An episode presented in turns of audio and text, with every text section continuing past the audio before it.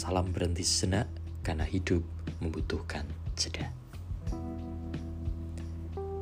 Lembutlah pada yang lain, keraslah pada dirimu sendiri. Lembutlah pada yang lain, dan keraslah pada dirimu sendiri. Kalau Anda mendengar kata-kata ini, Anda akan bertanya kepada saya atau kepada diri Anda sendiri, mengapa Yesus hari ini sangat tegas mengusir orang-orang yang berjualan di bait Allah?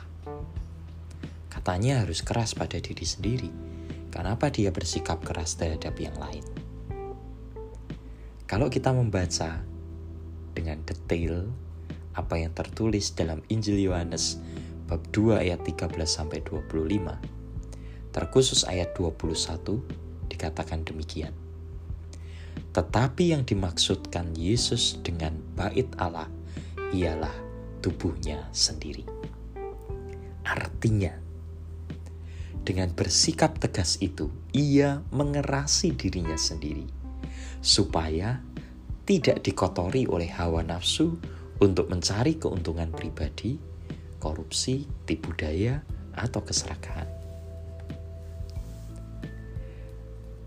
Anda butuh contoh lain? Ingat kisah di Getsemani. Saat ia dengan keras mengerasi ya dirinya sendiri, tidak mau bersingkap kompromi terhadap kelemahan dirinya dia mengatakan di dalam doanya, Bapa, jikalau mungkin ambillah, ambillah cawan ini daripadaku. Tetapi bukan kehendakku yang terjadi, melainkan kehendakmu. Jalan salibnya adalah bukti ketangguhan hatinya untuk memberi diri secara total. Lihat, Yesus mengerasi dirinya ia tidak mau bersikap kompromi terhadap dosa, terhadap godaan-godaan yang membuat ia jatuh dalam dosa. Maka bisa kita pahami saat ia dengan begitu keras mengusir para pedagang karena bait suci itu adalah dirinya sendiri.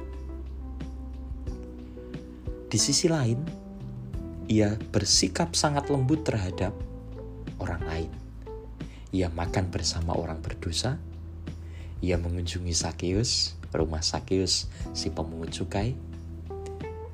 Ia mengampuni perempuan yang berzina.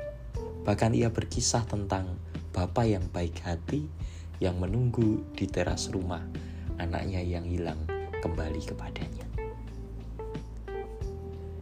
Teman-temanku, mengapa kita bersikap sebaliknya? Mengapa kita kadangkala bersikap sebaliknya?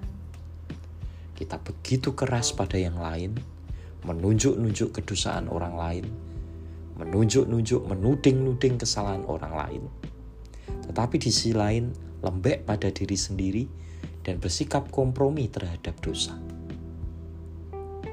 Jangan-jangan aku menunjuk-nunjuk bait Allah dalam diri sesamaku yang tampak kotor Padahal bait suci tubuhku sendiri kudiamkan kotor dan berdebu. Selamat hari Minggu. Tuhan hadir dalam diriku dan hadir pula dalam dirimu. Salam berhenti senak karena hidup membutuhkan jeda.